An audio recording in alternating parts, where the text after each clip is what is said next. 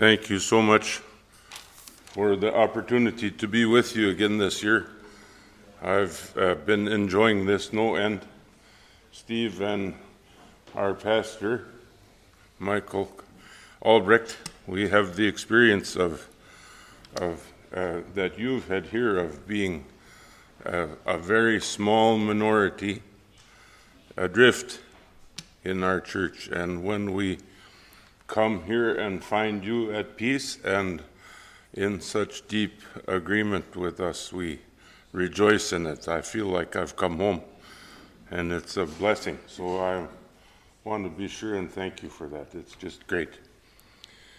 Um, this machine is taking some revenge on me for telling jokes about it last night, so it may take me a while to get it right. I'm not sure. Um, the second big issue in the bondage of the will is uh, Luther's conflict with Erasmus, concerns the power of, of language, interpretation of the scripture. The first one, as we saw last night, here it goes. The first issue, as we saw last night, um, concerned the nature of the will, its power, and its limitations. God has given us some free will in matters that reason can comprehend. So, if we can understand it, describe it, analyze it, we have enough power over it so that we can make things work. And so we can choose politicians, at least relatively speaking, huh? and we can pass legislation, and we can accomplish homework, and we can go about our work in the shop and on the farm without looking it up in Scripture or finding out what God wants. God has given us some freedom here and some responsibility here, and so we go about our work without interruption or without interference. God says, That's your responsibility. See to it. Hmm? Once I was called out by a congregation in Minneapolis. To, uh, the church council asked me to come and talk to their pastor in their presence. Their pastor was preaching that he had a choice about what God should do with him, and that it was very important that he had a choice, but he when it came to getting up and going to work in the morning, um, he had to consult God about whether he should do that. he had it exactly reversed. So I had to give the pastor a theological lesson in the presence of his church council.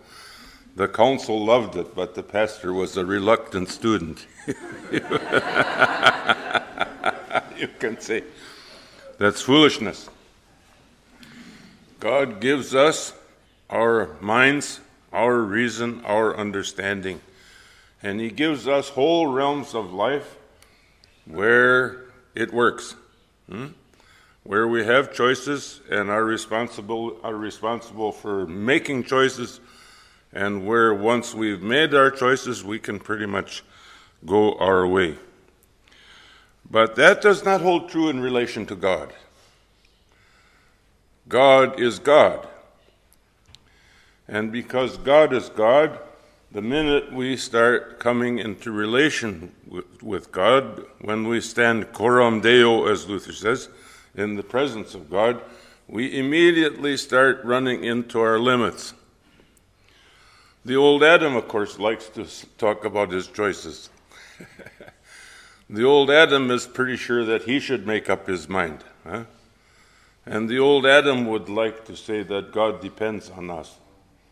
But it's just exactly the opposite. Huh? God disposes. What is it that the proverb says? Man proposes, God disposes. Huh? God has the final word. And because God has the final word, our choices are limited in relation to God. We're dependent on God, not the other way around. And so when we start messing with ourselves, when we start trying to get a hold of God and control God, we generally run into our limits pretty quickly. Huh? We end up in either pride or despair. Sure, sure thing. We either become convinced that we're the only truly faithful people in the whole congregation, or we become convinced that we will never, ever, ever be able to believe the way we should. Either way, Luther says, uh, man is like a drunken peasant trying to mount a horse. He gets up one side, goes right off the other. Huh? And so we learn our limitations. Um, but there was another issue that provoked uh, Luther and Erasmus, a very interesting one. I know that Knut has done a lot of work with this issue, and I, I think maybe we should trade places because he wrote his dissertation on this. He'll have to be patient with me now. Um, this was concerned the power of language, the power and the effect or limitations of language. Erasmus was convinced that the power of language is limited to meaning. And because of that, that in the end, language is not reliable. It, it breaks down. And so he was a critic, as we saw last night uh, from Steve, of Luther's assertions. He thought Luther was fiercely intolerant and needed a lesson in humility because he made so many assertions. Huh? And of course, Luther had a wonderful time.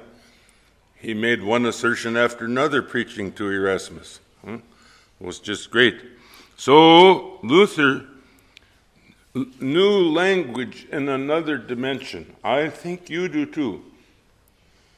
And we're going to work with this other dimension of language. Of course, words mean things. But in the New English translation of the Book of Concord, Robert Kolb and uh, Timothy Wengert discovered what Luther actually said in the Catechism. For years, English students of the cate- English speaking students of the catechism have asked the question, what does this mean? But the German is actually was ist das? What is this? Huh? It's not a question of meaning, but it's a question of how the word is working, what it's doing, you see? And if we can catch on to that, then we can, we can get an idea of how Luther replies to Erasmus and how he helps us, particularly to get to this deeper level of language, where the language is not limited simply to meaning, hmm, but it's doing and accomplishing, and, and it's like a hammer. Huh?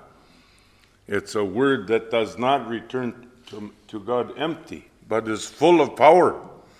It creates faith affects hope and brings the new life right there in front of you without any cooperation on your part at all. Huh? Wonderful. So, first of all, we'll take off with Erasmus and then we'll move to Luther. Erasmus, who was one of the leaders of the humanists in the 16th century, uh, held to an old theory of language that goes all the way back to St. Augustine. Words mean things. In fact, virtually all of the humanists agreed on this.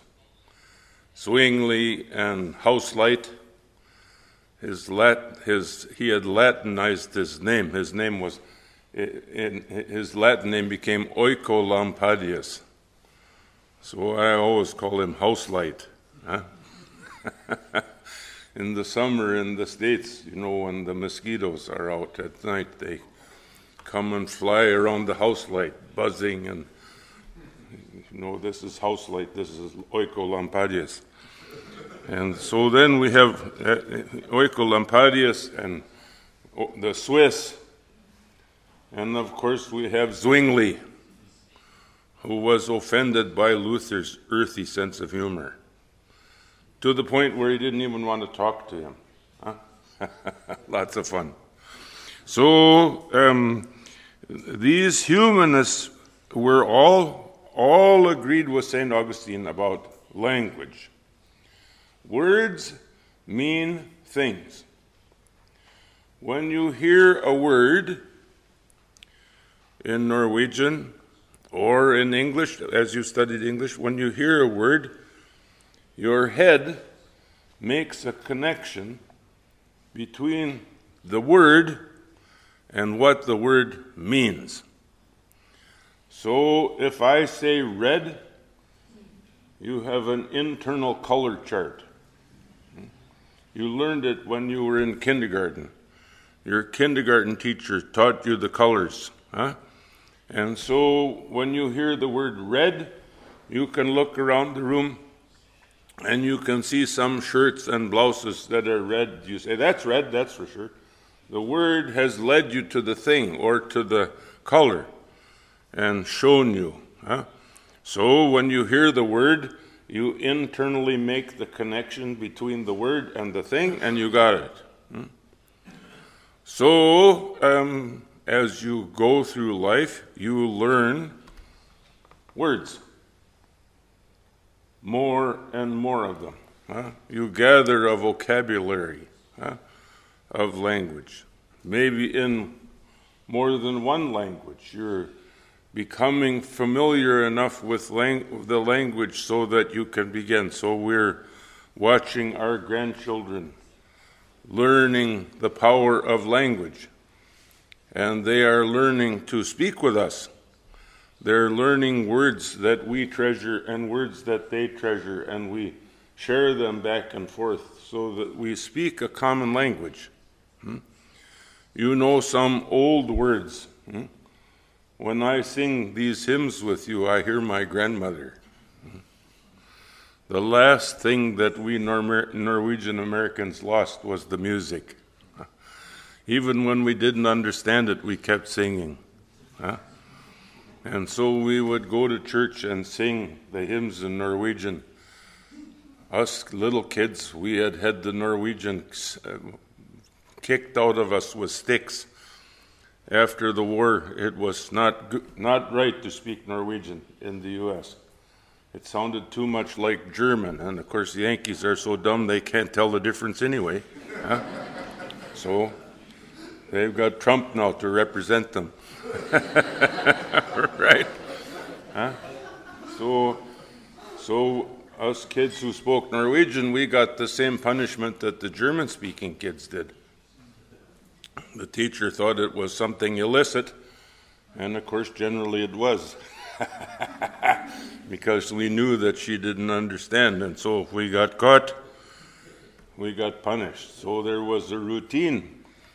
We would, at our house, you know, um, you know how humor works. I mean, humor depends on on language, little twists. So we always told the front end of the joke in English. But when we got to the punchline, we sp- spoke it in Norwegian. and the teacher would complain, I don't understand that. And he said, Not funny in English. it's not funny in and and then she'd force us to translate and it wasn't funny in English and she said why were you laughing just the way it works Words are like that. They carry connotations and they have feelings and they have, they have all kinds of, they embody relationships, huh? So that if I sing Noda after Noda, I can hear my, my grandmother's voice, huh? It brings me back, huh? To sitting in the sitting by a cook stove in the kitchen in a small town in Saskatchewan, huh? and singing at, at devotions with grandpa and grandma. Huh? That word has, it's, it, do, it does, it has meanings for sure, and we can connect the meanings, but there's something more going on in language hmm, than meanings. Huh? We, Words mean things, but they do more than mean things. well, for Pete's sake, this thing is going to drive me nuts. This is all punishment for last night. I shouldn't have told that story about the bishop. He's catching up with me. so, Erasmus and the humanists were brilliant students of meaning. Hmm? They um, learned ancient Greek, they learned uh, Latin at a level that we can hardly imagine. Hmm?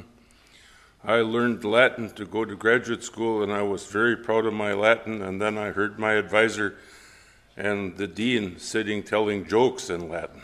that was a little humiliating. Um, words are like that. You can study them, you can gain power over them, you can literally understand them. And when you understand them, you're in a controlling position. You've you know the word, and when you hear the word, you know exactly what's being meant. Um, the problem is that it's entirely possible for meanings to slip. Hmm? Words mean things. You can look them up. You can now you can use your computer and you can look up a word and the word will you'll get the meaning of the word. And you, but of course, um, it's entirely possible that when you get the meaning, you don't get everything that's connoted by the word. You don't get everything that's being expressed by the word. So that when you hear somebody who really knows how to talk, hmm, somebody who's got a rich vocabulary, huh, you and a and a rich power of language, you hear many different levels in what they're saying, and that's what makes it so much fun. Huh? When I was a kid, we would I would sit on the bench downtown with the old men, and they would sit and tell stories all day long. When you tell that many stories, everything depends on being able to give a little twist in the language. Huh? That's the entertainment. Uh, and so we had to learn how to hear another level in the language. And that's the power of language, that's also its vulnerability. You may know the meaning, but you might not understand. You see, you might know what it means, but you might not know what it really means. you might not get the deepest level. And this is what Erasmus is after. Uh, in fact, this is an old tradition go- that goes back to Augustine. Because words mean things, you have to be very careful to control the connection between the word and its meaning so that it means what is proper. So, part of the responsibility of the papacy, traditionally, is to control the language of the church. Language is living, hmm? it keeps growing and changing. So when people, contemporary Norwegians, come to the prairies and listen to the Norwegian that is spoken there, they start laughing right away. It's ancient. A, a Norwegian who heard me speak my mother's language said, You sound like you're a museum.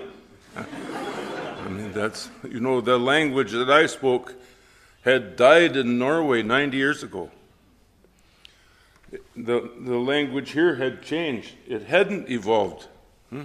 There weren't enough of us, and we didn't have a living contact, and we, we lost the connection with Norway, and when we lost the language, we really lost, you see. So um, it's entirely possible that this slippage is going to distort. And when you get this problem going in the church, you've got to have some control of it. At least that's the Pope's argument. And so the Pope declared that he had control of the church's language, and he declared that everybody had to speak the Latin of the fourth and fifth centuries. even still, it evolved. So, church Latin continued to develop. Uh, there's a big difference between the Latin of Luther and the Latin of the fourth century, but it continued to evolve and change. And so the Pope argued, I've got to be in charge of that. And that's what Erasmus says to Luther. Hmm? Who do you think you are, insisting that words mean certain things? That's the Pope's job. Hmm? So, this is one of the big issues ambiguity and the necessary controls that have to be put in place. Uh, in fact, there was a little more going on here for the humanists. Words are part of the physical world, and therefore they're not capable of carrying the full power of the Spirit. And so there has to be an interpreter. There has to be somebody who tells you what the true spiritual meaning is. And that means you've got to have a preacher. It's not enough to read scripture, it's not enough to hear the word spoken. You've got to have somebody who's making the connection between the physical and the eternal. And so um, Zwingli and his friends were never convinced that Jesus could actually be present in the sacrament. That's too dirty for him. Huh? He's spiritual and physical stuff is carnal. Huh? And the same with God's Word, it never quite comes down. It doesn't ever become quite spiritual enough. It's always got to have its qualities raised by a preacher who volunteers to control your language for you. Huh?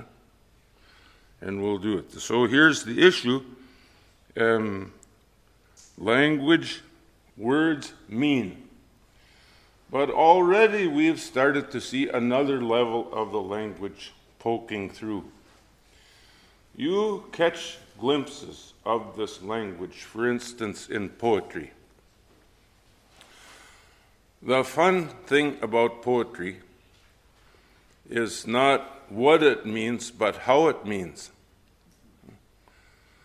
There's a great English literary critic um, that wrote a book called how poems mean. Hmm? There's a richer connotation in poetry. So when we sing our hymns, right away, we start seeing levels of meaning. Huh? There is what the word means, but then there's the connotation on, on, what the word means. And we, we love poetry because of that. Here's a couple of other examples. One isn't very nice uh, um, profanity. Profanity is not used because of what it means. The Anglo Saxon words that are preferred by Americans have lost their meaning long ago. If you look up English profanity, um, you will uh, find many different meanings for the terms. Nobody quite knows where they come from, and nobody quite knows what they mean. When I was a boy, we oftentimes had Norwegian hired men. They were bachelors who hadn't been able to settle down in Norway, and they came to the U.S. and lived on farms, sharing in the family's life. And oftentimes, those guys were masters of Norwegian profanity. Huh? They were sure nobody else understood. Of course, us kids had studied it quite carefully. and when they came, they would turn the air blue with their language. And when they turned the air blue, they were convinced that nobody knew what they were saying. And of course, we were over in the corner giggling because we had all figured it out. Huh? I mean, the language of profanity is not used for meaning, it's used for power.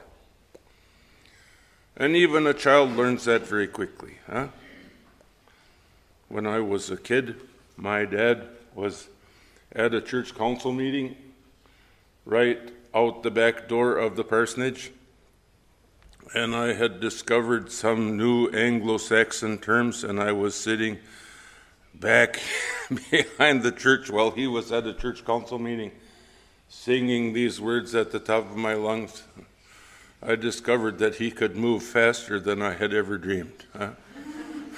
I had the soap down my throat, clear to my belly button, before I even knew he was coming. Huh? I mean, these words have power, they do things, and they're used that way. Here's another example words of love.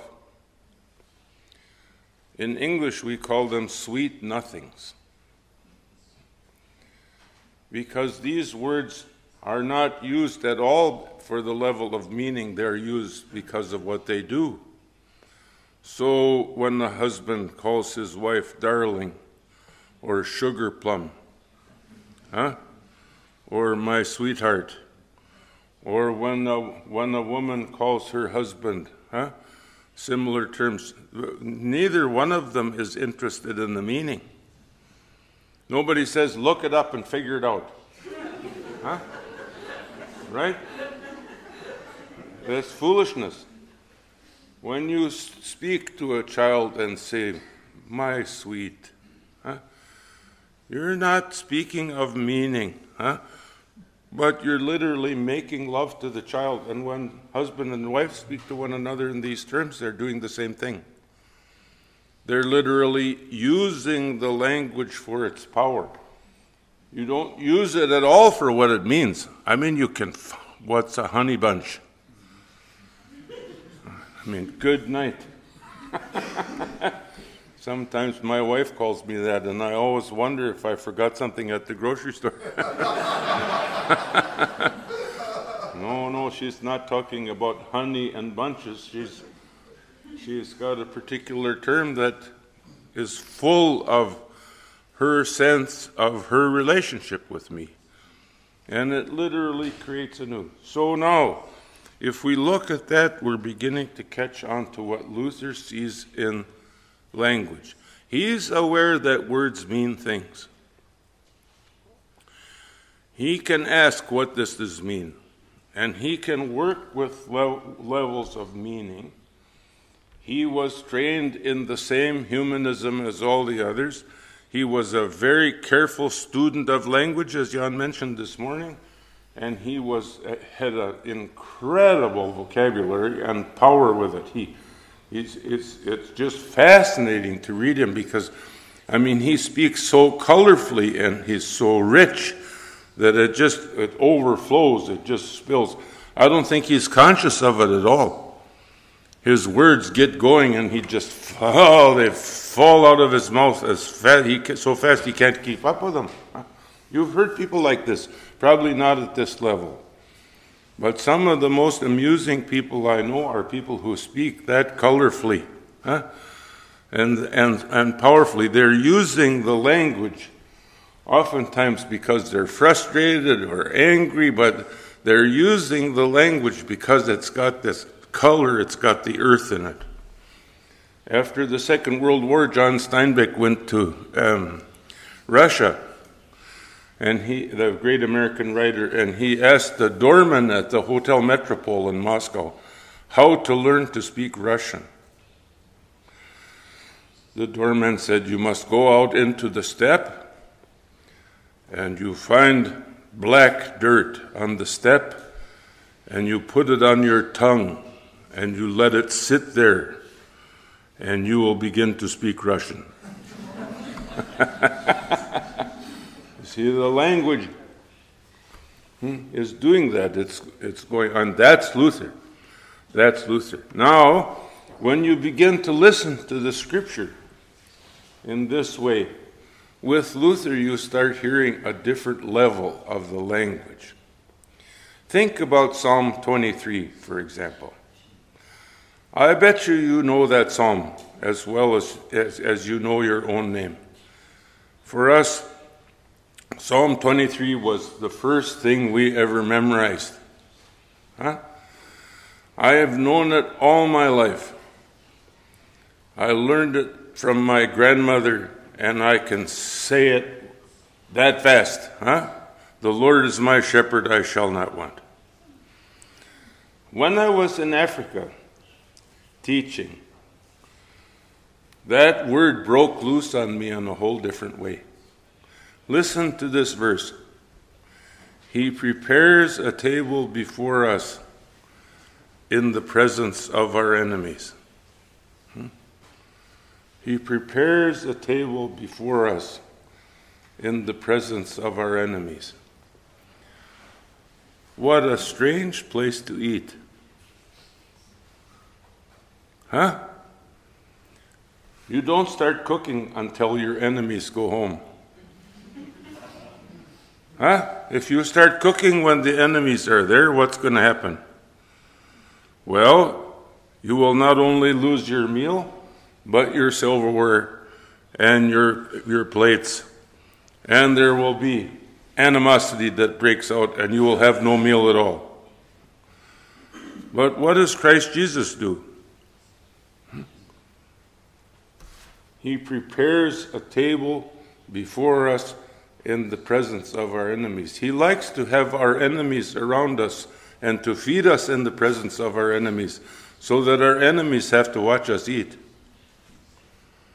Right? And so what does it say? On the night in which he was betrayed, Christ Jesus took bread. Huh? Huh? On the night in which he was betrayed, Christ Jesus took bread, broke it, and what did he do? He gave it to them. Huh? He gave it to them. Here's what I would have done I would have said, A fine lot of disciples you guys turned out to be. I should have had a better selection process. Foolishness walking down the beach calling a bunch of fishermen. Boy, did you turn out to be a disappointment. But what does Christ Jesus say? He took bread and he gave it to them and he said, this is my body given for you. Now, when you hear that word said, when your pastor says, the body of Christ given for you,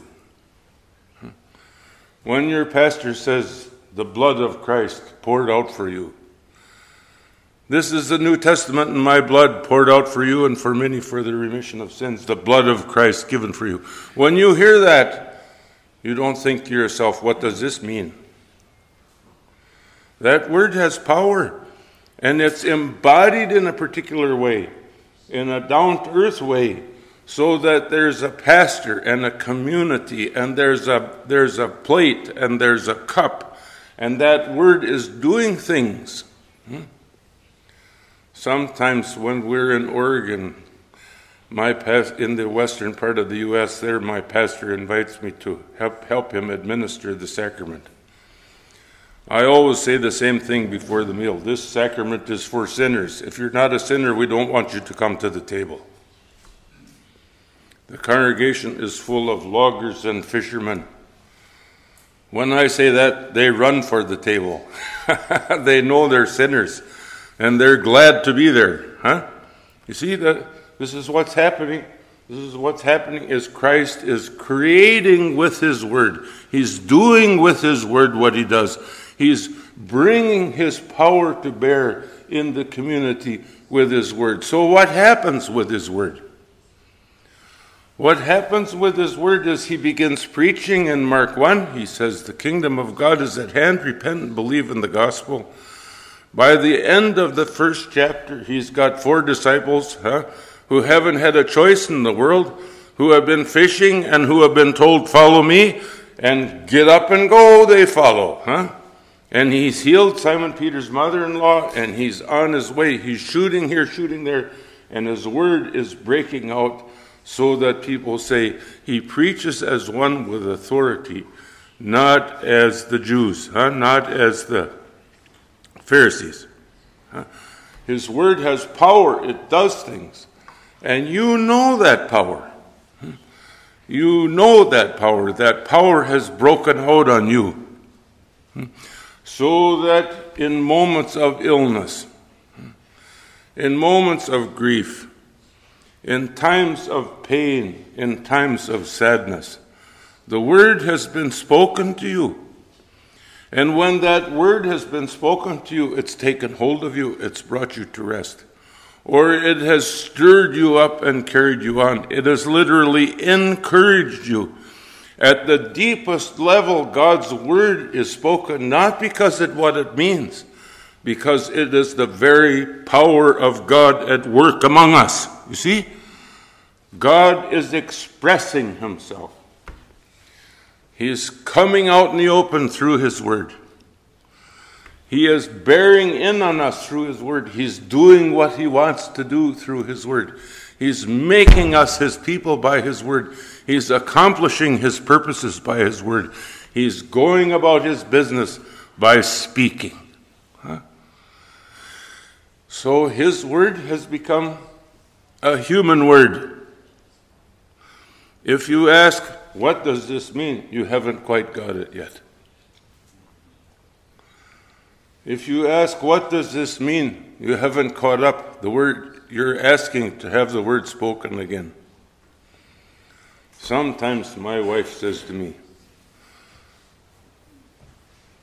What does it mean when you call me a sugar plum? What is a sugar plum? I have never seen a sugar plum. I say, first look in the mirror. That, that doesn't help. Huh? is not asking for an explanation. She is asking for more proclamation. She wants me to not use the same old cliche but find a new, a new word that's more powerful. Huh? You see, this is how words work. And when, when you love, my goodness, my wife and I have been married 48 years. She's been pushing me for new words the whole time. I'm running out. I mean, I have to switch back to Norwegian and find a whole new vocabulary for her. So, I mean, this is this is the par- power of language that it keeps evolving and it keeps doing.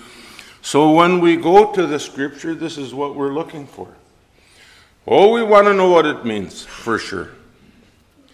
We want to know what words like faith and hope and love mean.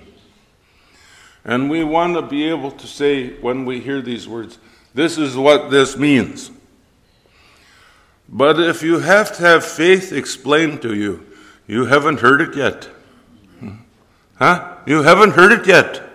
Hmm? You know what faith means when you're standing over the grave of someone you dearly love and hear God's word proclaimed to you. Huh? Have I told you this story? I wonder if I've told you this story. My, my wife, you know, she was an attorney she was working downtown Minneapolis, and she found some very strange friends that she would come dragging around the house. Hmm? I didn't always appreciate it. Living with a lawyer is one thing, having her dragging home friends, that's more of a challenge, you know. so she brought home a friend. Um, this friend had a, was married to a man whose job was to fire people. He would tell people that they had lost their jobs. There was a computer company in Minneapolis called Control Data. Um, he fired everybody in the whole firm, and when they got done, when he got done, they fired him. You know, just, I mean, you can't like a man like that. That's like inviting a hangman to lunch, you know. I mean, having having dinner with an executioner. I mean, I didn't like to have them come to the house, and I was made my feelings quite clear to Carolyn, and she was a little irritated with me because this was a good friend of hers. But then her friend called one day and she said, My husband is dying of cancer. We don't have a pastor. I wonder if Jim would come and help him die. Well, how do you say no to that? I mean, I did, that's the last thing I wanted to do. Huh? I mean, good night. I didn't like him. Go away and die and leave me alone. no, no, you can't say that. Of course, you can't say that. So I went to start calling on him. I noticed something about him right away. He was unusually self aware. He was aware of himself at a level that I had hardly ever seen. So, in addition to dying, he was watching himself die. And he was measuring out his dying day by day. So, when I would come to call on him, first of all, once a week, then twice a week, then every day, I would hear this litany of his dying. I came to love him very much. He was a wonderful man even though so self aware. So when the last day came, I was preaching, and they called the church and said, You've got to come right away. So as soon as I said Amen, I took off my gowns and I went racing to the hospital. He was dying of lung cancer, and you could hear, you know, you can hear that in the lung. You can hear the lung filling so you could keep track of how close death was by listening to him speak. So I was sitting with him, and his lungs were filling. Soon he would drown. When it was close, I leaned down over him and I picked him up and I held him in my arms. And I said to him, The next voice you hear will be the voice of Christ Jesus coming to call you out of your grave. He looked, he got his eyes focused, he looked me right in the eye and he said, I love it. I love it. and then he died, just like that. Huh? I mean, that's just amazing. That's the power of God's Word. See? You're not looking for meaning. God is in that very word consoling, encouraging, comforting, giving new life, giving faith and hope. Huh? God is spilling himself out through his word, and he's literally, this is, I mean, Erasmus doesn't have a clue. I mean, he's looking at magazines, he's the playboy, huh? Home studying possibilities wondering how he can realize himself. This is all Luther can hear. Huh? He is after this word. And what he wants more than anything else to do is to take this word on his lips. So, even still, 500 years later, hmm, when you hear Luther preaching, the word has power and life. My last graduate student ever finished his degree in Australia a couple years ago, and he wrote on Luther's letters of spiritual counsel. He has suffered all of his life from depression, and he has just about died of despair several times. When he starts to get sick again, he starts reading Luther's letters. Luther has been his pastor 500 years after the fact. Huh? And sometimes he calls all the way from Australia and he says, I read this three times. Will you read it to me just once? and I read it to him and he begins to sing. Huh? This is the power of God's word, you see that it reaches through all the distance and comes as close as your very heart and opens your heart and gives hope and love and faith a place to stand, huh? confidence and joy. So, here's what we're talking about when we're talking about God's Word. We're aware of what it means. We spend a lot of time studying what it means because what it means is tells us how we are to speak it. So we're not throwing away the meaning. But what we're looking for, huh? What we're looking for is the power. Hmm? That power is what makes God's Word the center of our life together. We know a little bit about where we can catch it. Hmm? It's going to be in the biblical text for sure. We know a little bit about where it's going to work. We know it's going to work in a community of faith. We know lots of other things about it, but what we know above all is power. And here is hmm, here is what's definitive. That when that word comes to expression, it does what it says. In the words of the Augsburg Confession, it creates faith when and where He pleases in those who hear the gospel. Hmm? So God's word to us is not a system of meaning. God's word to us is the very power of God embodied in the church and in the human community to bring in the power of the gospel. Okay? I'm done. Thank you.